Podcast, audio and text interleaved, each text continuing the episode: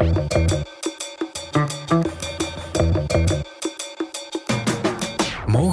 Duivels nog hopen op een wereldtitel? Morgen, vrijdag, speelt onze nationale voetbalploeg nog een oefenwedstrijd tegen Egypte. En daarna begint het WK in Qatar. Een omstreden WK, daar moeten we het zeker over hebben. Maar ook wel het WK van de aller, allerlaatste kans voor een aantal van de beste voetballers die ons land ooit heeft voortgebracht. Mijn naam is Dries Vermeulen. Welkom in een extra lange special van Duidelijk.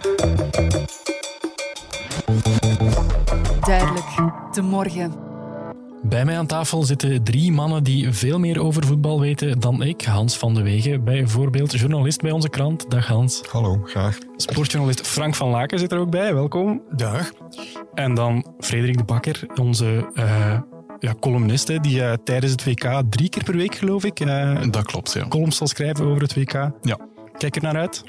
Uh, absoluut, absoluut. Uh, ik moest van de morgen nog denken aan uh, de stoethaspel Stephen O'Donnell van Schotland vorig jaar. -hmm. En ik hoop dat ook van het jaar meer dan één Stephen O'Donnell het, het, WK zal sieren of ontsieren. Het hangt af hoe dat het, be, hoe dat het beziet. Ja, ja. ja, ik vraag het, kijk naar uit, omdat dat een beetje het gevoel is dat ik nu heb dat weinig mensen er echt naar uitkijken. Dat heeft wellicht voor een groot stuk te maken met de controverse rond de locatie. Het gaat door in Qatar, niet onomstreden. Um, we hebben gisteren gehoord dat ja, het enige fandorp in België, in Vilvoorde, de voetbalbond heeft dat uh, afgeschaft omdat er gewoon te weinig tickets werden verkocht. Leeft het duidelijk minder dan ja, anders? Maar die locatie heeft daar volgens mij bij de gemiddelde Rode Duivels-fan weinig mee te maken. Het ja? is voornamelijk tijdstip, denk ik. Ja. Mm -hmm. Het is koud, regenachtig. Het is ook ineens echt koud geworden. Uh, na een lange periode van goed weer. En wij zijn eigenlijk wel gewend om een WK te organiseren op het einde van juni. Examenperiode, zeer goed weer, zeer lange uh, avonden, uh, klaar tot half elf. En nu is het gewoon donker om vijf uur. En uh, ja, mensen hebben dan geen zin meer om nog uit hun huis te gaan. Om, om voor een groot scherm te gaan zitten. Wetende dat ze waarschijnlijk in de kou zullen zitten. Want er zal ook niet echt veel gas worden verstookt. Om bekende redenen. Dus ja, nee, ik denk dat. Maar de gemiddelde fan uh, trekt zich niks aan van uh, Qatar. Of wat daar hmm. al of niet mis is. Hè. Er is ook geen tijd om er naartoe te leven. Hè. De competitie ligt net stil. Niemand is met Qatar bezig geweest. En dan minder dan een week later begint het WK al. Terwijl je normaal gezien, als het juni, juli is, dan zit er toch drie, vier weken mm. tussen het einde mm. van de competities en het begin van het WK. En dan kan dat ook in de pers een beetje opgepompt worden. Mm -hmm. Daar is nu geen ruimte voor geweest. Nee, we moeten ons misschien als pers ook een beetje afvragen, of ja, ik vraag het aan jullie, moeten we dat wel oppompen? Mogen we hier zelfs als, als media, als pers wel enthousiast over zijn? Maar ik zit mij al een beetje te ergeren aan, aan de manier waarop er... Uh, ik heb vandaag de krant al gelezen, ik heb gezegd, dat zal ze zeker bijhouden. Ik heb ze digitaal bijgehouden, om, om dan eventueel in commentaarstukken al, al maar een keer uit te halen naar de manier waarop er naar soms gekeken wordt. Nu, het is zo, het, het blijft natuurlijk een wereldkampioenschap voetbal. Mm. En daar moet je over berichten, zeker sportief. Mm. Uh, maar je mag de sportieve waarde eerst en vooral niet overschatten. En je moet natuurlijk ook nog wel oog hebben voor de mistoestanden die daar zijn. Maar ik denk dat we daar al genoeg over gezegd hebben. En ja. ook weten waar de fout ligt. De fout ligt bij de FIFA en niet bij die voetballers overbetaalde miljonairs in korte broek, dat klopt allemaal wel, maar die zij hebben niet de schuld aan het feit dat er in Qatar wordt gevoetbald. Mm -hmm. En natuurlijk loopt er heel veel mis in Qatar, nog altijd, ondanks het officiële afschaffen van het kafala-systeem bijvoorbeeld, het lijfeigenschap. Mm. Maar als je terugkijkt in de geschiedenis en je zou bij elk WK waarvan je zou kunnen zeggen het, het speelt zich af in een land waar het regime toch niet echt zuiver op de graad is, als je daar telkens uh, heel sterk op zou focussen, dan, dan zou je nooit nog voetbalpret hebben gehad. Hm. Voetbal is altijd een beetje politiek, of een beetje veel politiek geweest. Uh, dus in die zin is het misschien nu erger omdat het heel nabij is. Mm -hmm. Maar goed, we hebben ook uh, andere plekken meegemaakt waar dingen aan de hand waren. Kijk, als je, er slapen minder mensen in Doha op straat dan in Brussel hè, vandaag.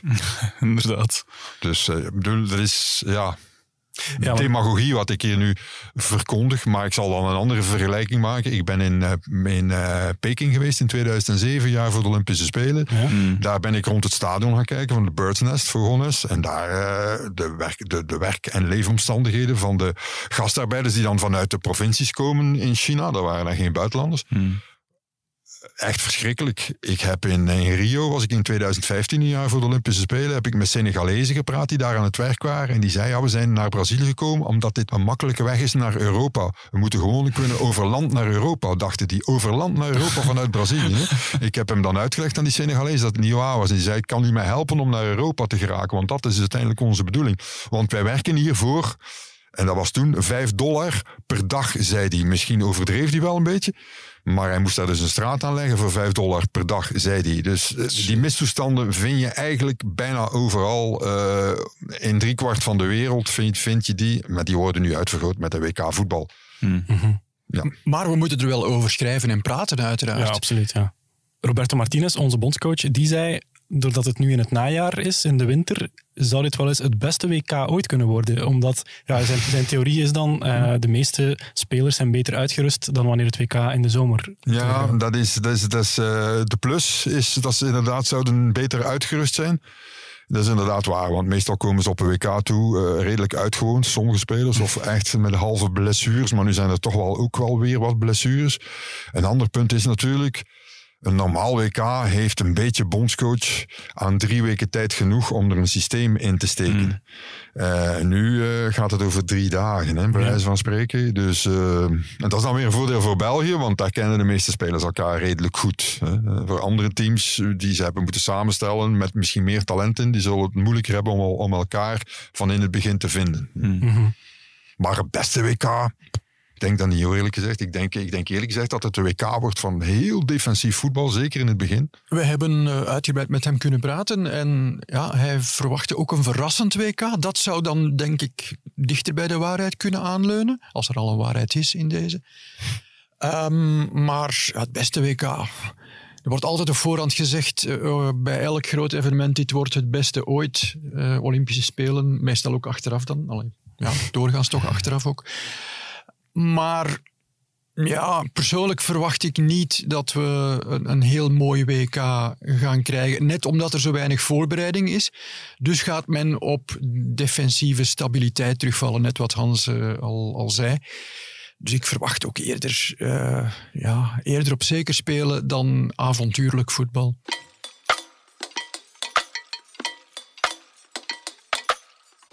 We got um, seven players that they play. They're going to play three World Cups, which is uh, unseen in, in our football. You got 10 players that they're going to play the first World Cup, which you need that excitement, you need that desire, you need that energy. And then you got a, a good block of nine players that they're going to play their second World Cup. So you look throughout, I'm happy with the experience, I'm, and I think Dries Mertens and Charles Catelari reflect very much that different groups coming together for one common purpose. Ik denk dat de ambities nog altijd hetzelfde zijn. En dat is uh, zo ver mogelijk geraken en proberen ja, in die finale te staan. Natuurlijk weten we ook dat het, uh, er zijn zoveel goede landen op het moment. Maar uh, we zullen er alles aan doen om zo ver mogelijk te geraken.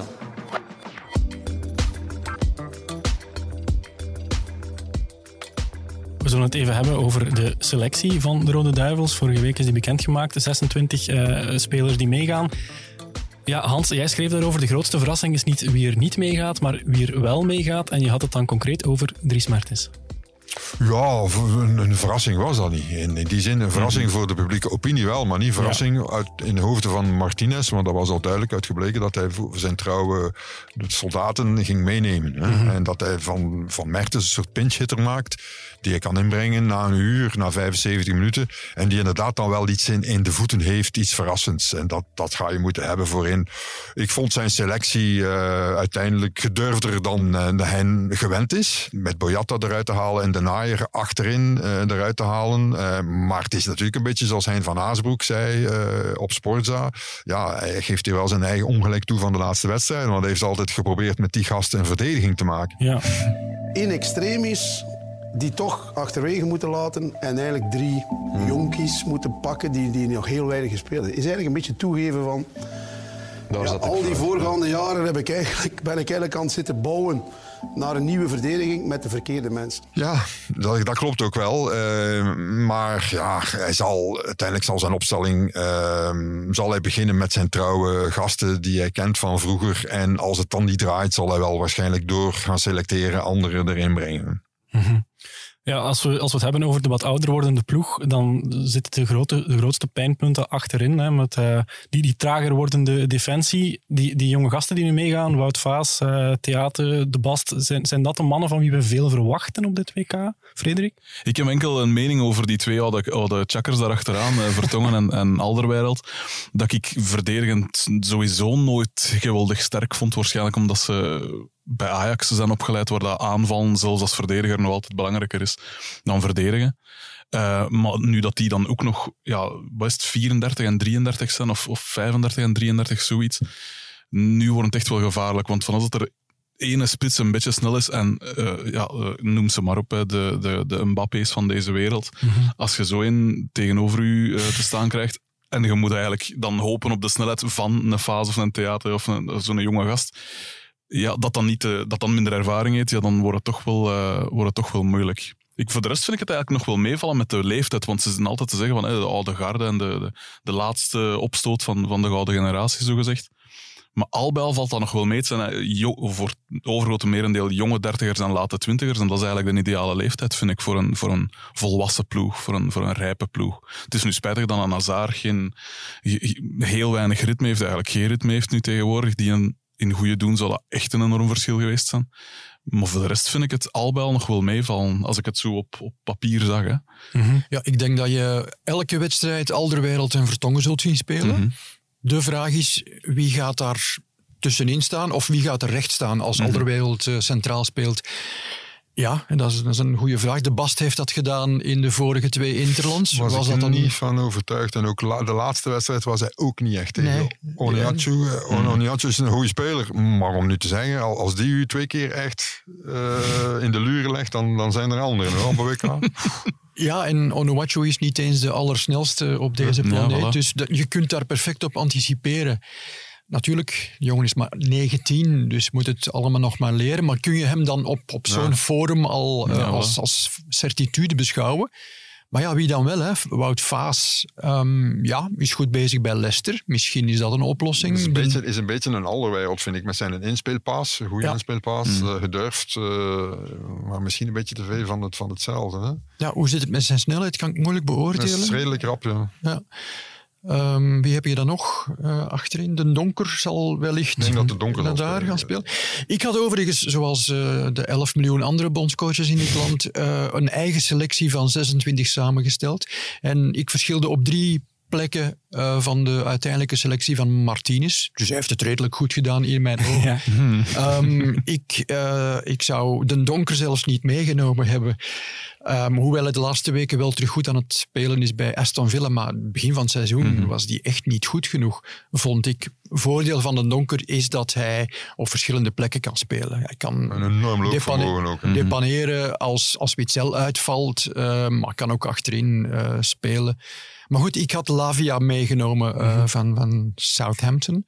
Ik had zelfs de Mechelen in plaats van de Bast meegenomen. Maar goed, ja. Ja, maar dat had ook gekund. Mm. Dat, dat blijft eigenlijk maar je ziet Mechelen, je ziet aan Mechelen, als het tegen absolute topspelers is, volgens mij een mentaal probleem heeft. En niet zozeer een voetballend probleem, dat hij toch uh, fouten maakt, ga, gaat maken. Hè. Uh, in België gaat dat nog wel, maar tegen toppers dan, ja, dan krijgt hij soms een probleem. Aan de andere kant van het veld dan hebben we ook een grote bezorgdheid. Romelu Lukaku, het heeft niet veel gescheeld of die was er gewoon niet bij. Hè? En de vraag is uh, wanneer hij effectief zal kunnen spelen. De kans is groot dat hij in de eerste ronde hooguit één wedstrijd kan meespelen. De laatste tegen Kroatië.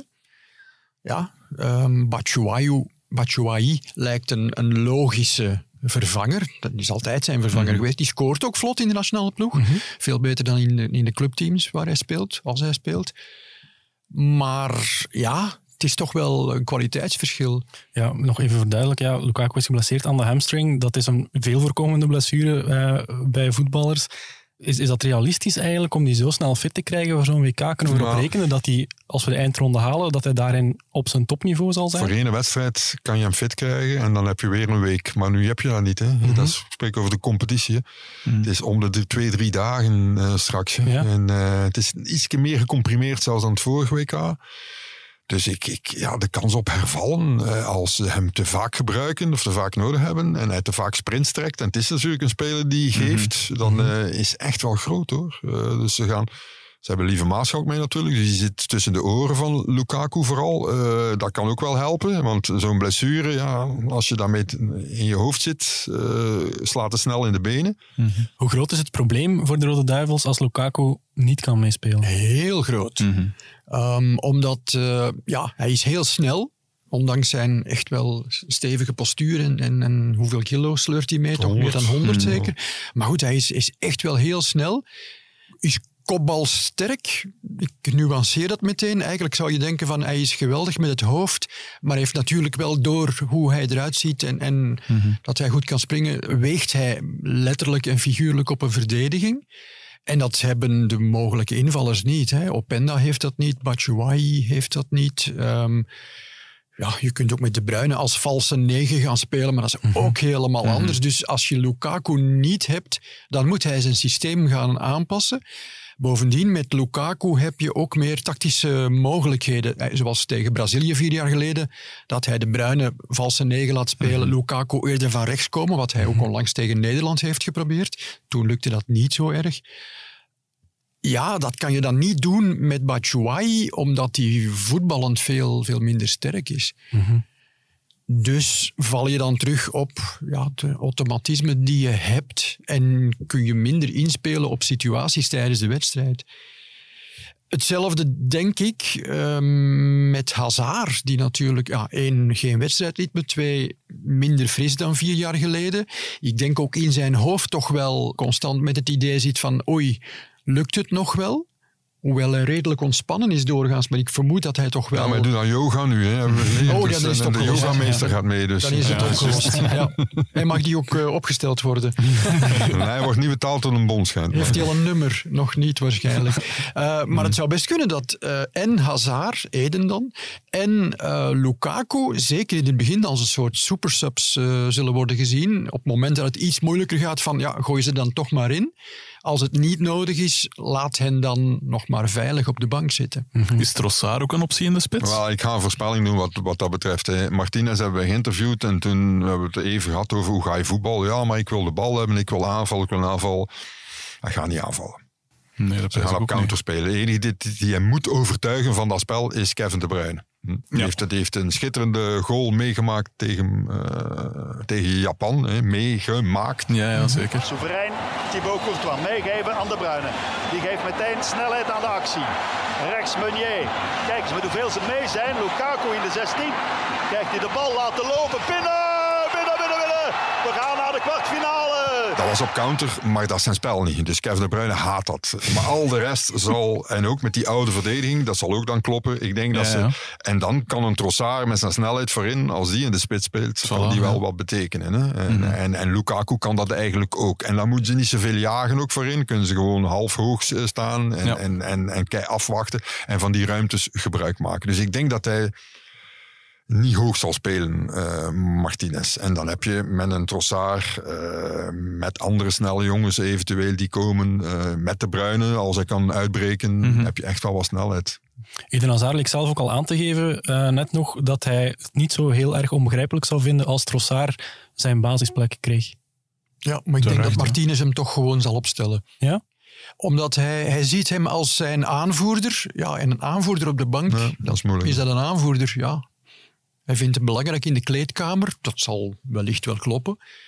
Maar ja, een aanvoerder heb je ook op het veld nodig. Hè? Een compagnie die niet op het veld stond als captain, was toch een stuk minder.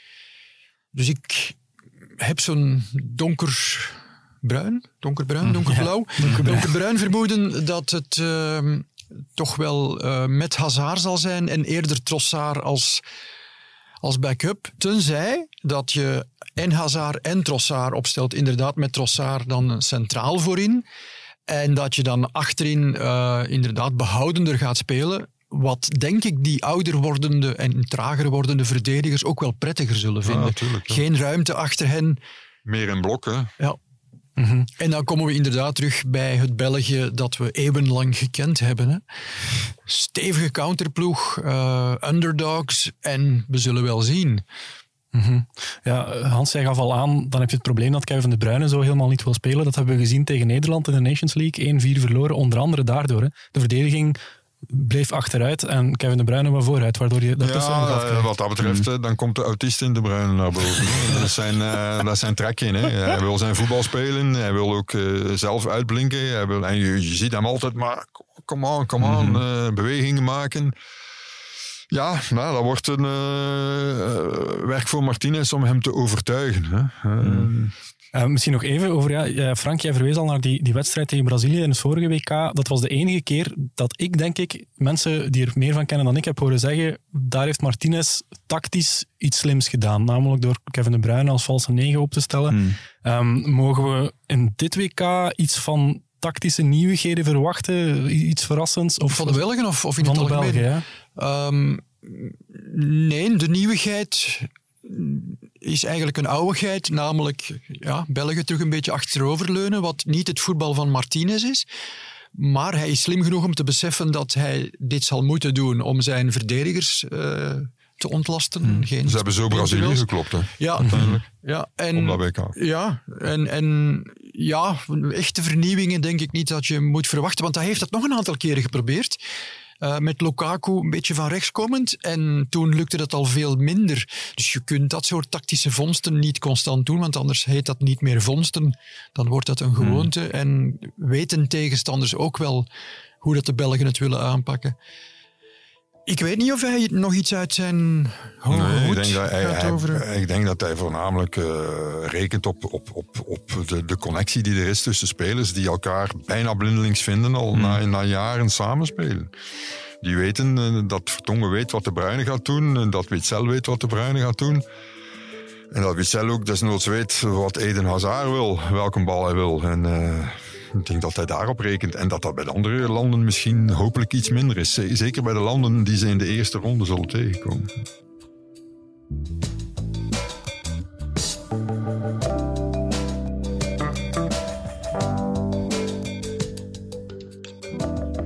Belgium's third place finish in 2018 was their best ever achievement at a FIFA World Cup. It will be their 14th appearance at the finals. Uh, so Belgium will be going into Group F. We won't be able to be uh, anything but at our best in the first three games. I'm sure that we all like to be creative and adventurous, and you look at the, the crossover is with a group of Spain and Germany, and then further down it would be Brazil. So if you want to get all the way to, to the final, uh, there is no an easy route, and that's uh, it's better to know it from the beginning and accept that that's that's the way we need to arrive to the World Cup.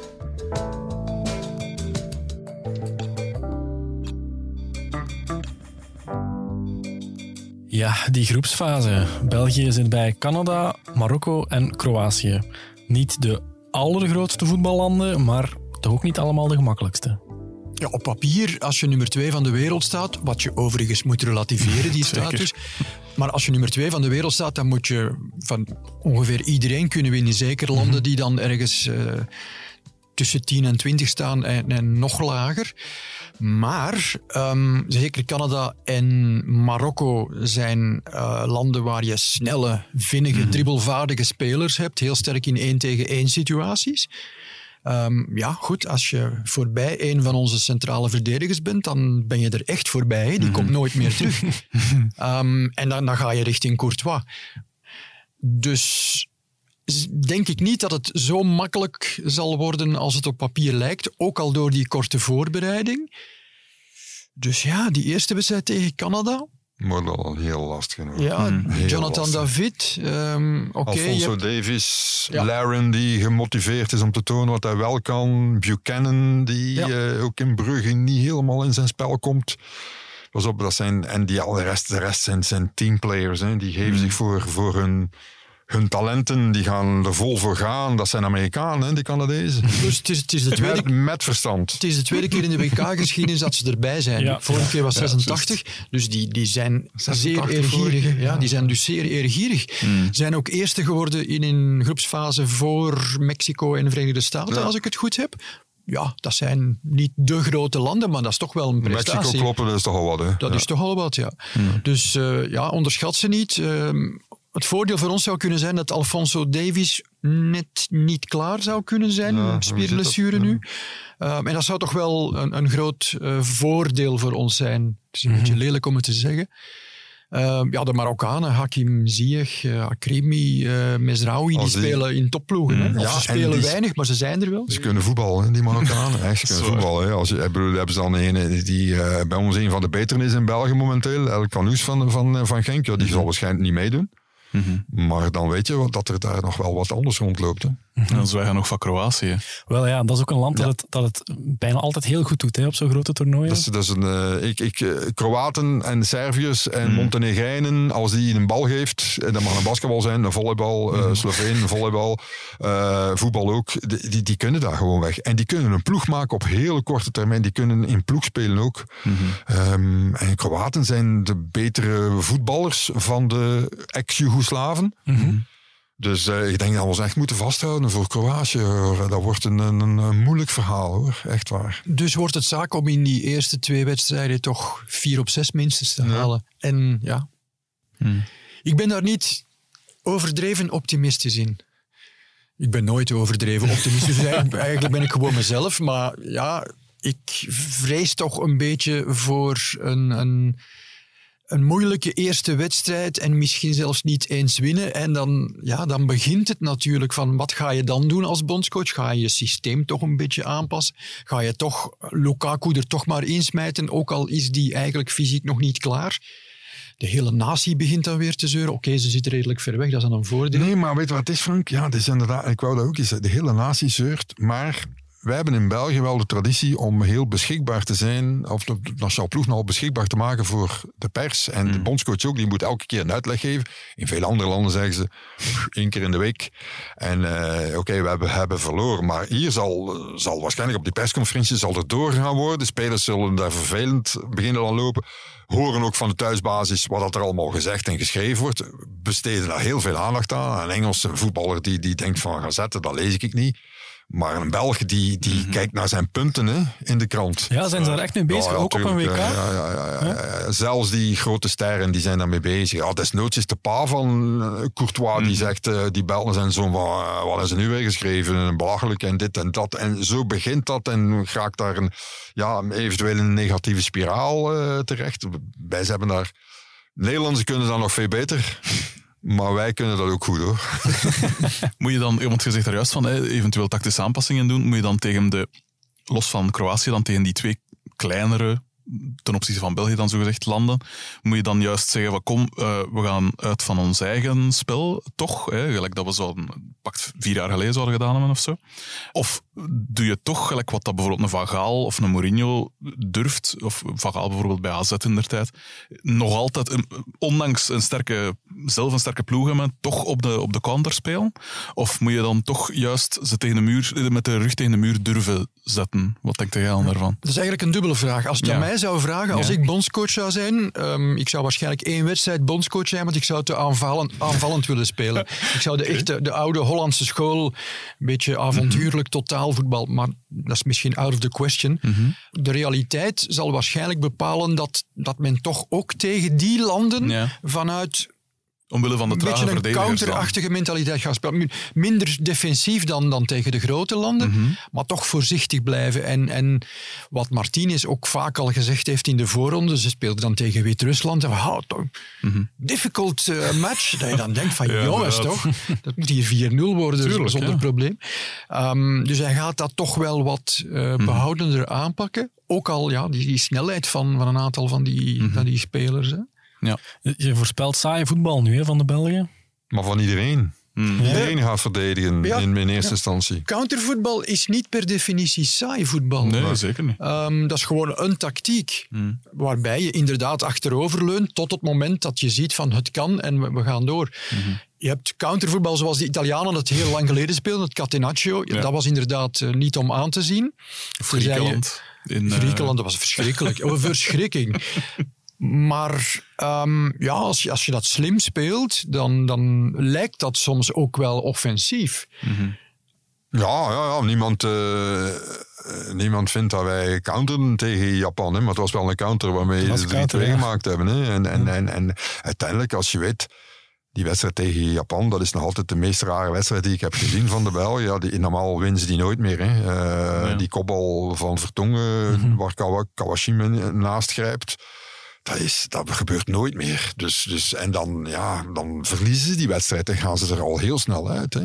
Maar daar hebben ze op counter gewoon. Dus, en dan weet je van, dit België is eigenlijk gewoon heel erg goed. Als ze een beetje kunnen terugplooien, de zaak wat controleren in het middenveld, achterin schoon opsluiten en dan gewoon heel snel uitbreken. Maar België is niet het team dat zegt van we gaan op de helft van de tegenstander spelen en daar gaan we jullie gek tikken Mm. en we gaan uitbreken en diepte zoeken, hoewel er geen diepte meer is.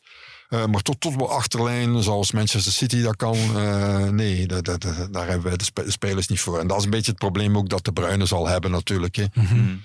Dat hij dat niet die spelers heeft om die steekbal juist aan te geven. Hm? Eh, om tussen twee man door, zo lopen wij niet. Hè.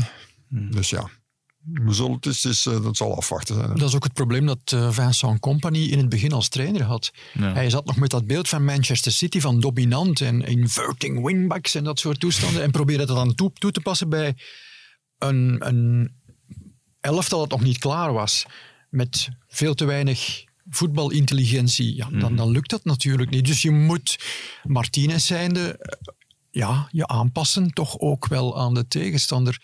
En dat is toch wel verschillend met eh, vorige toernooien waar we aan deelnamen.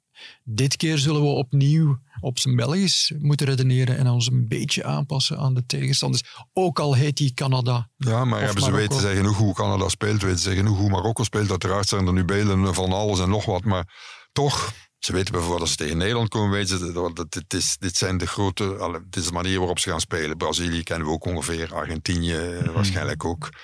Maar die, die landen als Canada, zelfs Kroatië, die nu een beetje een nieuwe samenstelling heeft, is toch moeilijk in te schatten hoe die zullen voetballen hoor. En dan komt er toch op aan om op dat veld een aantal dingen aan te passen. En dat hebben we van Martinez nog niet heel veel gezien. Dat hij in de wedstrijden zelf dingen gaat veranderen. Ja. Dat hebben we niet. meestal als we zelfs beginnen, eindigen we ook. Hm. Mhm.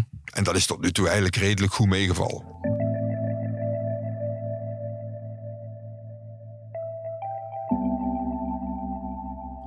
Als we, als we die groepsfase overleven, dan wacht waarschijnlijk ofwel Spanje ofwel Duitsland. Dat zijn twee namen waarvan het een beetje begint eh, te, te knikken in mijn knieën, moet ik zeggen. Ja, maar als je richting wereldtitel wil, moet je voorbij alle landen waar je tegen uitkomt. Dus of dat nu Spanje of Duitsland of Costa Rica uit die groep, stel je voor, is. Ja, je moet er toch voorbij. Hè? En dan denk ik dat Spanje of Duitsland, klinkt misschien vreemd, makkelijker is dan Costa Rica. Want tegen Costa Rica begin je toch meer met zo'n houtenen houding. Maar ach ja, hier, die Midden-Amerikaanse jongetjes, we gaan er eens even tegen winnen. En zoals tegen Japan, wat dan nog net gelukt is. Verenigde Staten, vier jaar voordien, was toch ook... We hadden heel veel kansen, maar het was toch ook maar heel nipt uiteindelijk. En met verleggingen. Ja, laat dan Spanje of Duitsland maar komen. Als je er tegen verliest, dan word je ook niet met pek en veren besmeurd als je in Zaventem terugkeert. Ja, ja. Nee, dat zijn twee sterke landen. En, eh, hoewel Duitsland natuurlijk, eh, zijn laatste resultaten zijn niet echt schitterend. En Spanje daarentegen was wel, eh, is wel wat beter. En, en die hebben toch ook altijd wel... Die vinden elkaar heel snel. Hè. Spanje, dat is heel raar. En dat is een land dat nog veel meer verdeeld is dan wij. Hè, want die Catalanen, die Castilianen, die kunnen elkaar niet zien. maar als ze op het veld staan, ineens vinden ze elkaar. Eh, blindelings, dat is heel vreemd. En, en ze hebben een volkslied zonder tekst, precies omdat, om, omdat ze geen miserie willen in dat land. Maar toch gaan ze mee meneurien allemaal. En, en armen rond elkaar. Maar dan als de Catalaanse kwestie boven komt, dan haten ze elkaar weer. Heel vreemd, heel vreemd land. Maar voetballen samen, dat kunnen ze goed. Ja, ja. Dus ja, een groepsfase die, die zeker niet zo makkelijk wordt als het misschien op papier lijkt. En dan daarna waarschijnlijk een Spanje of een Duitsland. Voor de kansen van onze Rode Duivels op dit WK voorspelt dat niet echt heel veel goeds. Hè? Frank, jij schreef over eh, de bookmakers in eh, een stuk in de krant. eh, die, voor hen is Brazilië favoriet. België wordt daar bijzonder laag ingeschat. Ja, als negende of zoiets, denk ik, in die, in die ranglijst. Maar goed, uiteindelijk, het is wat het is, bookmakers. Hè. Die, die, die veranderen morgen weer van gedachte op basis van, van de eerste uitslagen of zo. Dus we zullen wel zien. Ehm, maar Maar geven Ja. ze ongelijk? Want ik, negende lijkt me wel realistisch. eh, ik geef ze geen ongelijk, maar op papier is het makkelijk. Hè? Maar op papier Ja, kan je morgen ja. weer wegsmijten en dan gebeuren er heel andere dingen in realiteit. Dus, dus we zullen wel zien. Maar ik denk dat eh, het stadium van de kwartfinales, wat ons heel vertrouwd is op toernooien, ehm, dat dat al een prestatie zou zijn. Mhm. Ook gezien het feit dat je Spanje of Duitsland ontmoet in de achtste finales. En dan ja, Portugal of Brazilië waarschijnlijk. Eh, Ja, maar dat is allemaal zo. Wij gaan allemaal uit van de, de uitslagen zoals die logisch zouden zijn. Maar je moet eens kijken op welk WK er logische einduitslagen zijn na de groepsfase. Niet veel hoor. Dus er komen dan landen ineens dat denkt van, hé hey, ja, hoe kunnen we tegen, tegen die? Oh, fantastisch. Hè? Ik weet nu niet tegen wie er nog zou uit die groep van, eh, of, of van Spanje of Duitsland, of wie we daar nog kunnen allemaal treffen, want ik heb dat nog allemaal niet bekeken. Maar ik begin dat pas na één of twee wedstrijden een beetje te zien. Eh, maar misschien komt daar een of ander land uit dat je denkt van, ja, oké, dit is echt wel een eindfase voor dat land en wij kunnen die aan. Ik denk dat wij nog altijd, wij blijven Belgen, namelijk als we het spel niet echt zelf moeten maken, dan gaan we ons dat toch een beetje beter eh, bevallen dan als we echt moeten gaan. Eh, eh, bijvoorbeeld tegen Frankrijk hadden we dat probleem op de halve finale in 2018, dat we achterkomen en dat we dan het spel moeten maken. Dan zie je, eigenlijk kunnen we dat niet goed. Zelfs met die ideale selectie. Hm. Maar je zei dan net, de last dance of de laatste dans. Ja, welke dans? Hebben ze al gedanst tot nu toe? Ja, ze, ja, ze zijn derde geworden in een kampioenschap waarvan ik altijd zei, die wedstrijd tegen Japan, dat is echt, dat is, ja. Dat zegt genoeg over wat de waarde van dat team dan was. En dan eh, zag je tegen Frankrijk, waar ze eigenlijk, ja, onmachtend, on, on- macht, machteloos. Ze waren allemaal, allemaal gecastreerd, bij wijze van spreken. Ze, kon, ze raakten niet vooruit tegen die Fransen. Eh, Dus Maar tegen het team dat uiteindelijk dat WK wint, is dat misschien ook Ja. niet zo'n schande. Ja, maar dat hebben we al een paar keer gedaan. Italië is vorig jaar ook Europees kampioen. Nou, kun, je, kun je daarmee uitpakken van, oh, maar we hebben toch Ja. verloren tegen de latere toernooiwinnaar. Ja, je we hebt niet verloren punt. maar het is wel een punt. Het is, het is wel iets. Het is wel iets, vind ik. Ja, ja het, het is toch, toch, het is toch een team dat in het toernooi groeit. En die kom jij dan tegen. En uiteindelijk tegen Italië ja, was het, ik zeg niet een dubbeltje op zijn kant, maar het had ook anders kunnen uiteraard. Ik vond dat vrij kansloos van onze kant uit. En dat was Italië niet eens op zijn best, want die waren in andere wedstrijden veel beter. Ehm, tegen Frankrijk vier jaar geleden vond ik ook dat, dat je, je proefde bijna dat er geen geloof was. Ja. Hè, die, die tegengoal valt in de 49ste minuut of zoiets, niet zo lang na de rust.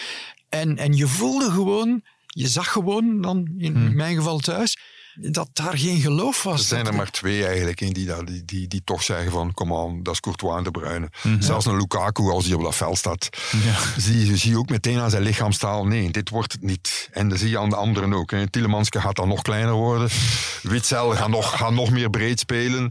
Die verdediging eh, gaat nog een beetje meer schrik krijgen. Ja. Er is daar niemand die opstaat dan die zegt, eh, behalve De Bruyne en Cour- Courtois, maar Courtois staat tussen die drie palen. Hè. Dat is een probleem, die kan niet meedoen. Dus, ja, eh, die heeft natuurlijk wel eh, tegen Jap- Japan de zaak gelanceerd. En dan De Bruyne heeft het bijna afgemaakt, bij wijze van spreken. En Chad die, hup, hup. Of eh, was het niet, het was is, andersom. het is misschien geen referentie, maar in die Nations League-wedstrijd, het laatste wat we gezien hebben van de Rode Duivels, daar liep Kevin De Bruyne toch ook wel zichtbaar tegen zijn goesting rond. Ja, maar de Nations League vind ik... de- Daar nee, is het de Nations League voor. Ja, ja, spelen ze, spelen ze niet graag. Dat was in juni en, en, en dan ook nog een keer in september. Zo tussendoor. Nou, nee, nog eens een toernooi erbij. Ja, inderdaad. Zullen ze nu echt heel erg gemotiveerd zijn om toch nog eens alles uit de kast te halen voor dit WK? Het is de laatste kans. Ja, hè? voilà. Ehm, eh, voor Eden Hazard is het de laatste kans. Kevin De Bruyne kan, zal nog wel een volgend EK aankunnen. En dan op zijn 34ste of zo. Ja, dat is toch al heel nipt voor een, een speler, een type speler die hij is. Ehm, Courtois kan nog wel een tijdje mee, maar de, ja, de echte toppers die haken stilaan toch wel af door leeftijd en dat soort dingen. Dus ehm, ik, ik denk dat het nu of nooit is. En dat zal ook wel meespelen in de hoofden, qua motivatie dan. Hoop ik toch. Ehm, Ja, maar wat mij verbaasde bijvoorbeeld op het WK van 2018, dan waren er natuurlijk meer spelers die nog hun marktwaarde konden vergroten. Vandaag, ja, van die jonge gasten misschien, een theater, een Faasma gaan die spelen. Misschien Tielemans, maar Tielemans staat al op punt om daar te vertrekken bij Leicester. Maar De Bruyne zijn marktwaarde zal niet vergroten. Courtois ook niet. Hazard, zijn marktwaarde is gekelderd. Gaan die er nog allemaal zo vol voor gaan als in 2018, ik weet het niet. Ik denk dat die ook wel denken van... Ja, maar ik denk dat die ook wel denken, Frank, van... Ik, dit is toch mijn eigen bedrijfje, hoor. Dat hier moet uh, overeind blijven. En ja, er is toch ook, zo, ook zoiets als persoonlijk eergevoel, denk ik. Als je naar de Kroaten kijkt, die nu onze tegenstander zijn in de eerste ronde. Um, vier jaar geleden finalist, had niemand mm -hmm. verwacht ja, die zijn met veel moeite tot, tot die fase geraakt. Uh, met heel veel verlengingen en strafschoppen, herinner ik mij. En dan stonden zij plots tegen Frankrijk, waar ze zeker in de eerste helft toch goed meedraaiden. Mm. Um, en daar zat je ook met spelers zoals een Modric, die toen 33 was, die ook geen mm. marktwaarde bezonjes meer had. 37, Ja. en, altijd, en altijd even fris, met buitenkantje voet en zo. En, ja, uh, maar, maar ook daar had je denk ik, het, het, het uh, eergevoel om voor de natie toch nog ja, maar iets te, iets eergevoel voor de natie. Ik denk, nu wel, ik denk nu wel dat een Kroaat meer eergevoel voor zijn natie heeft dan een Belg. Ongetwijfeld. Ja. Want ja, gezien de geschiedenis dan uiteraard. Ja. Hans, jij zegt altijd, voetbal is de toevalssport bij uitstek. Dat um, wordt nog erger nu op twee kanalen. ja, dus ik vermoed dat je er nooit geld op zou inzetten. Maar als je toch zou moeten, hoe ver geraken de Belgen? Um, ik denk eigenlijk dat ze, dat ze meer kans hebben om niet voor bij de groepsfase te geraken. Dat ze er echt uitgaan in de eerste ronde. Maar ik hoop toch dat ze achtste finale eh, of kwartfinale halen. En, en, en, maar geld opzetten zal ik nooit doen. Nee, nee. Frank? Ik ga er ook geen geld op inzetten. Ik uh, wil de mensen die nu luisteren niet nog meer deprimeren. Laten we uitgaan. Groepsfase, niet al te makkelijk, maar het zal wel lukken uiteindelijk. En dan ja, Spanje of Duitsland. Is het Spanje? dan denk ik niet dat ze het overleven. Hmm. Is het Duitsland? Duitsland is niet meer de topnatie. Anderzijds, ja, zij kunnen nog altijd dubbel zoveel spelers tournier, op niveau tournier, selecteren. ja. WM-toernier, dat is, dat is voor de Duitsers is dat... Uh... Klopt, maar de uitspraak dat een voetbalwedstrijd 90 minuten duurt en op het eind de Duitsers winnen, geldt al een tijdje niet meer. Dus in die zin, alhoewel een tijdje, acht jaar, zo lang is dat ook weer niet. Mm. Um, dus in die zin zouden ze daar meer kans tegen maken. Maar om uiteindelijk toch op je vraag te antwoorden. Ik vrees achtste finales. Mm -hmm. Oké, okay, en het dan eervol uit tegen. Laten we dat vooral hopen. niet, niet eruit, maar wel eervol. Frederik? Ik vrees ook achtste finale, maar oneervol eruit. okay. Als ze daar geraken tegen een van die twee landen, dat het 3-0 of zo wordt, of 4-0 zelfs misschien. Omdat dat zo'n klasselanden, de, de, de, opleidingen daar, de, de topploegen daar, ze leveren altijd... Die P3 is, hoe oud is 19, 20, zoiets, 22 misschien, maximum. En die was al de sterkhouder op het vorige, op het vorige toernooi. Ja, zo'n gast nemen wij niet meer rond. Ja, de bruine, maar ja, zijn we er zo'n aantal rondlopen. Altijd. Mm. En uh, kennen we ze nu nog niet, dan staan ze wel op, gelijk die P3 bijvoorbeeld. Mm. Um, ik zie het niet goed komen, eerlijk gezegd. Morgen, vrijdag, spelen de Belgen nog een laatste oefenmatch tegen Egypte. Gaan we daar nog iets van leren? Is dat nog een belangrijke match? Dat is een match om wedstrijdritme op te doen. En om liefst niet te verliezen.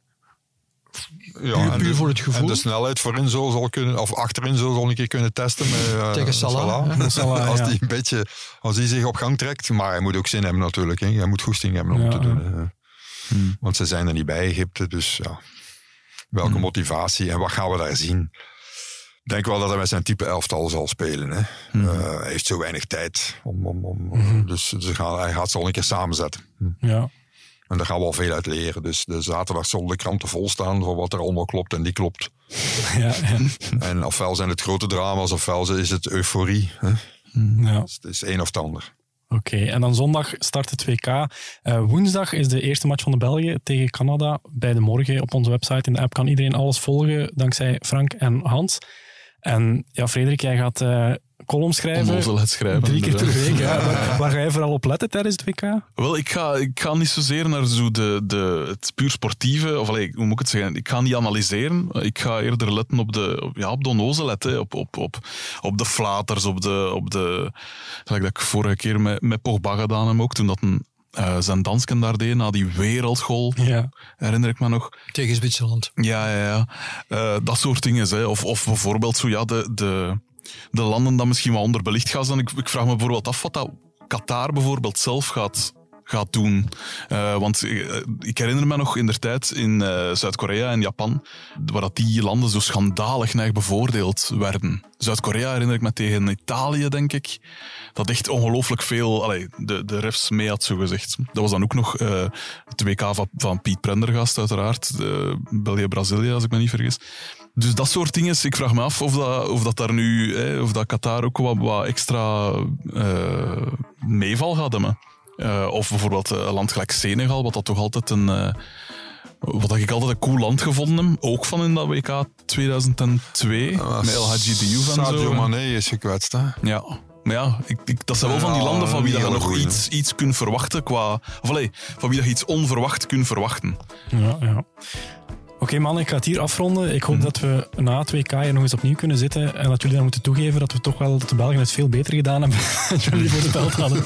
Laten we het hopen. Hans van de Wegen, Frank van Laken, Frederik de Bakker, dankjewel. Met plezier.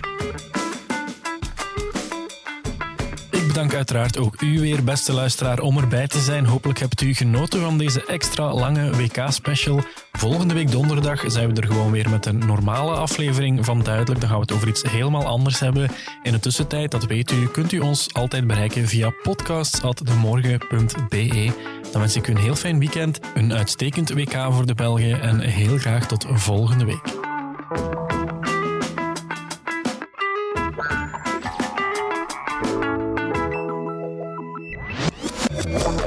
Duidelijk, de morgen.